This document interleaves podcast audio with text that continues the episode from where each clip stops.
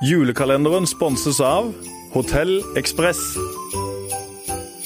Velkommen til Fotballmødre pluss Rikards julekalender. Det er 19. desember, og gjesten vår i dag, Line, hvem er det? Du, Dagens gjest er av det veldig trendy slaget. Hun er bosatt på Andøya, oppvokst på Spangereid, i Voiebyen og i Posebyen.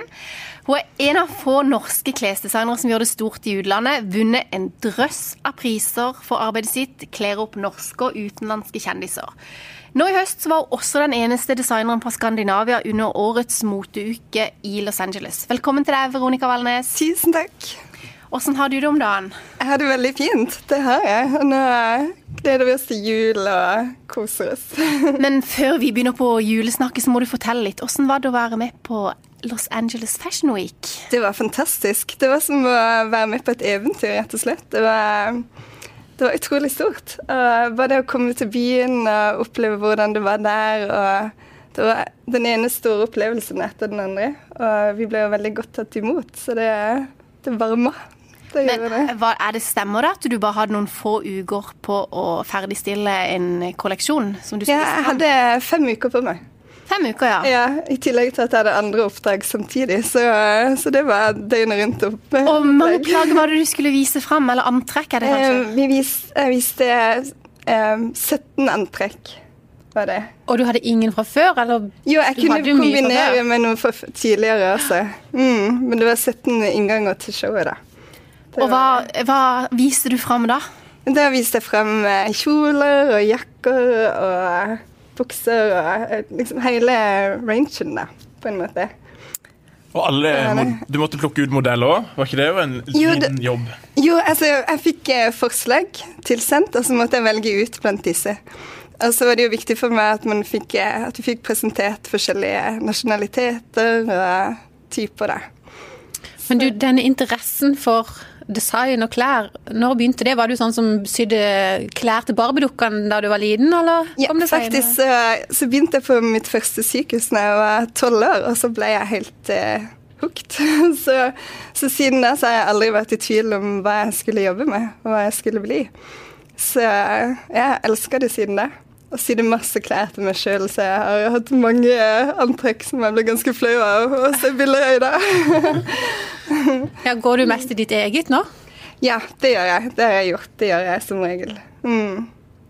Det men det er noe mye av det du går med, er det sånne ting som du ikke liksom, setter ut i livet, men du bare syr til deg sjøl fortsatt, liksom, altså, som bare etter deg? Ja, det er begge deler. De fleste har vi jo med i kolleksjonen, men det blir jo også noen som jeg bare syr til meg sjøl. Det gjør det. Og så er det jo noen uh, plagg som jeg liker, som kanskje ikke passer inn i den kolleksjonen som skal komme, så da kan jeg jo bare si det til meg sjøl. Men til barna, til barna dine sånn, syr du klær til de òg? Ja, av og til. Ikke så mye som jeg skulle ønske jeg gjorde. Det har litt med tida å gjøre. Men uh, hun eldste har allerede begynt å sy sammen med meg, så vi har sydd noen klær til henne som hun har. Uh, og hun er hvor gammel? Seks år. Ikke sant? Ja. og så syr vi klær til dukkene sine og sånne ting. Så vi koser oss med det, da. Det gjør vi.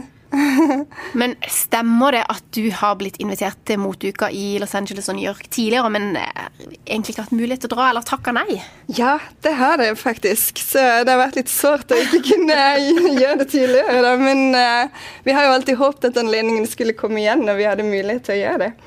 Så, så, ja. Så For det har ikke vært fordi du ikke har hatt lyst? Nei, er du gal. Jeg har jo hatt kjempelyst. Det har jeg. Men hva, hvordan foregår dette her da?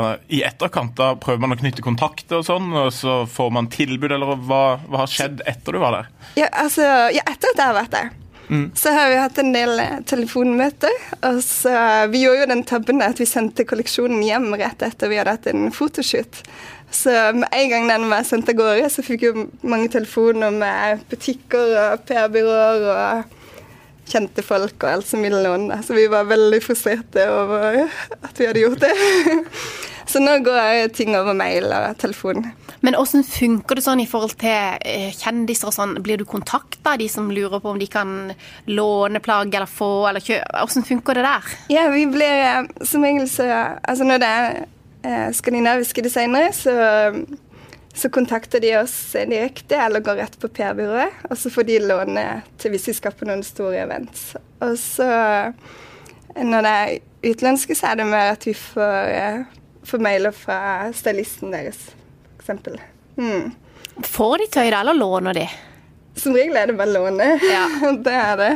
Mm. Men har du, mange, har du noen, kjære, noen sånn kjente som du vet som har godt brukt eh, klærne dine? Ja, altså vi har jo De fleste norske kjente har jo faktisk gått med det. Så det har vært utrolig fint å se de eh, bruke klærne til forskjellige store anledninger.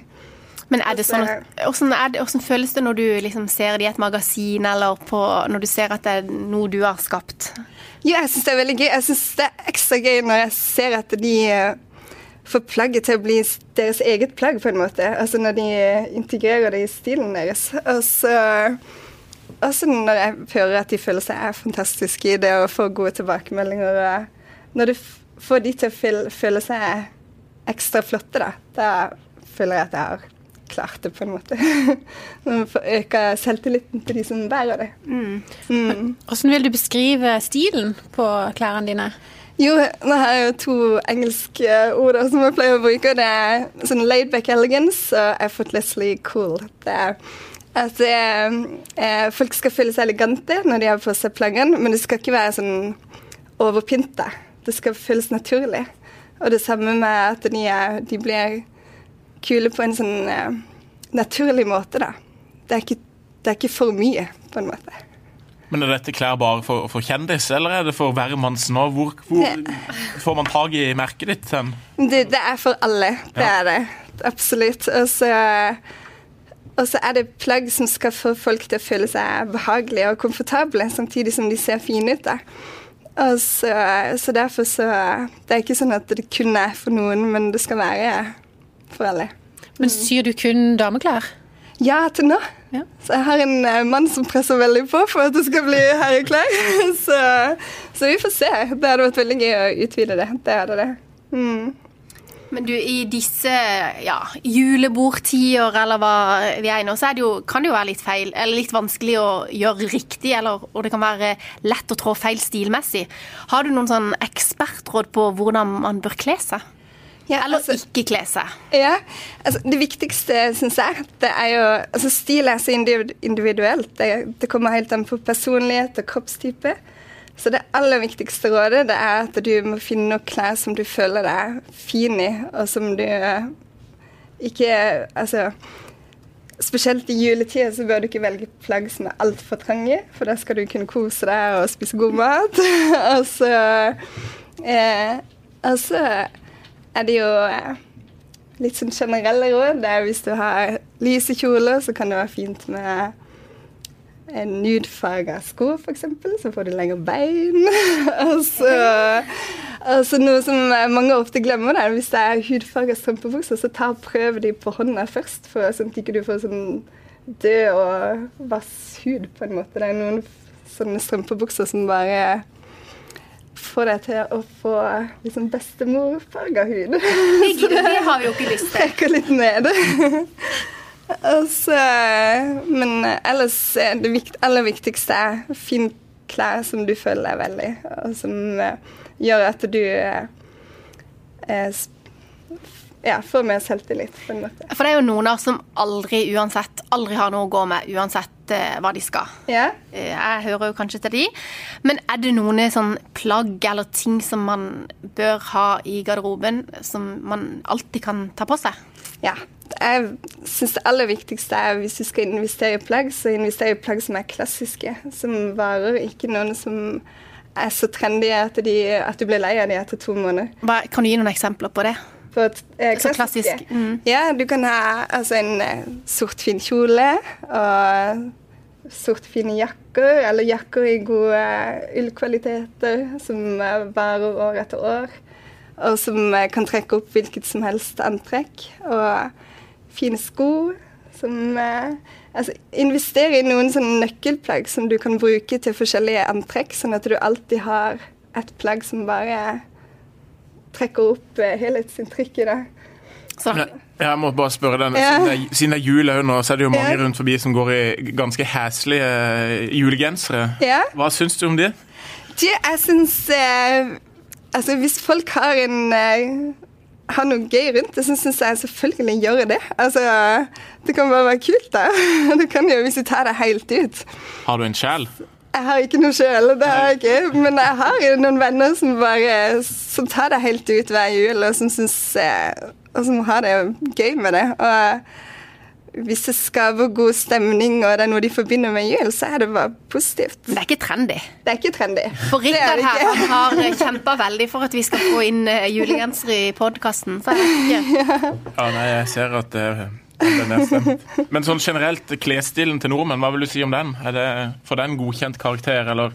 Um, den er ganske um, eh, Altså, den er ganske ofte veldig sporty, og mer eh, Folk er kanskje litt redd for å skille seg ut.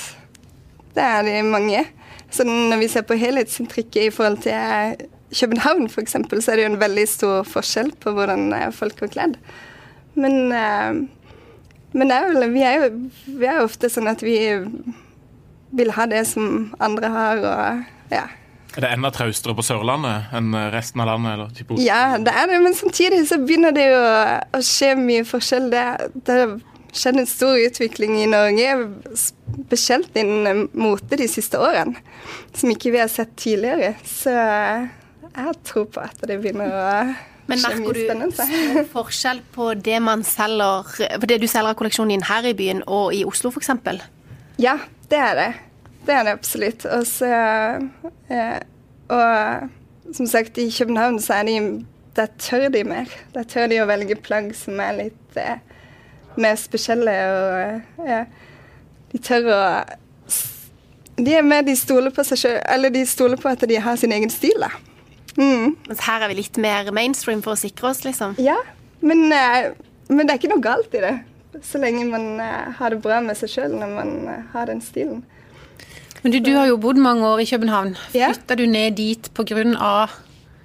designen, eller at du skulle yeah. jobbe med klær? Ja, det gjorde jeg. Altså, når jeg var ferdig med utdannelsen, så var det helt dødt inn, uh, i Norge innenfor den bransjen. Da. Mens i København så var det utrolig mye spennende som skjedde, og det var sånn jeg ville jobbe med klesdesign. Så jeg flytta ned dit, og så kom jeg i et veldig godt miljø med en gang. Som, hvor vi var flere som jobba med kreative bransjer. Da. Så alle pusha hverandre opp og fram på en måte, og hjalp hverandre. og jeg vet at jeg aldri hadde vært der jeg er nå hvis ikke jeg hadde hatt de årene i København og den gode oppbackinga som jeg fikk der. Og mannen din, eh, Jakob, han er Ja. dansk. Traff du han i København? Ja, faktisk så, så delte vi verksted sammen. så han hadde, hadde en, Det hadde vært en flom i København, så mitt verksted ble oversvømt, så jeg måtte få et nytt. Og så kom jeg inn i det verkstedet som Jakob var. De var flere fotografer i andre etasjen, og så fikk jeg første etasjen, da. Og så ble det veldig god stemning etter hvert. Var det vanskelig å få han til å bli sørlending eller flytte til Sørlandet? Ja, altså det var en utrolig stor overgang for han. Han var jo vant til å ha mye jobb og mange oppdrag. Og han er jo kjempedyktig, så, og så kom vi ned her, og så var jo de fleste sånn at det, Nei, vi har de fotografene vi bruker, og de var ikke så åpne for nye folk der. Men så plutselig så klarte han å komme inn i det på en måte. Nå har han jo mange gode oppdrag. Og han er jo vanvittig dyktig, så jeg håper at det at vi kan få det til her i byen også. Men nå går eh, klokka litt. Vi må innom på jul òg. Åssen er jula Ja. hjemme hos dere? Er det sånn dansk-norsk eh, blanding, eller? ja, vi har annenhver jul i Norge og i Danmark. Så når vi er i Norge, så har vi norske tradisjoner, og i Danmark har vi danske tradisjoner. Er det noen spesielle tradisjoner? Det, Et- hva danske tradisjoner, f.eks. Hva, hva, de, hva som skiller seg fra de norske? Nei, det er jo med, da er det jo med, da har vi and til julaften, og så, og så er det høytidelig, men eh, koselig. Det er det. Og så, og så har vi eh, fått innført en sånn rampenisse som vi har hatt de to siste årene. Som jeg ble kjent med gjennom Jakob sin familie. da. Og den eh, dukker da opp hjemme 1.12., og så lager han rampestreker hver natt. Sånn farge melka grønn, eller så la ut mel på kjøkkenbenken og laga engler i melet. Og gjør masse sånn Vi har det utrolig gøy med det, og jentene elsker det jo. Så, så det er liksom god oppvarming til julaften. Og hvor blir julaften i år? Norge eller Danmark? Faktisk så blir den eh, med Jakobs familie, men i en hytte i Norge. Oi. Ja. Blir det and på julaften? Det blir an på julaften, det gjør det. Jul i Norge. Dansk jul i Norge, det gjør det. Men i en hytte langt ute i skogen med, med snø. Det blir koselig. Så bra. Du, Det har vært veldig hyggelig å ha deg med i podkasten. Så vil vi bare ønske deg ei riktig god jul. I like måte, og tusen takk for at jeg fikk komme.